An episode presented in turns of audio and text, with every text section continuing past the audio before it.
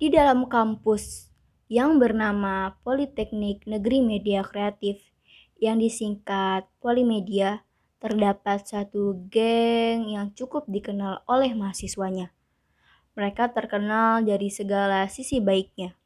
Jarang sekali sisi buruknya sampai pada kuping mahasiswa Polimedia.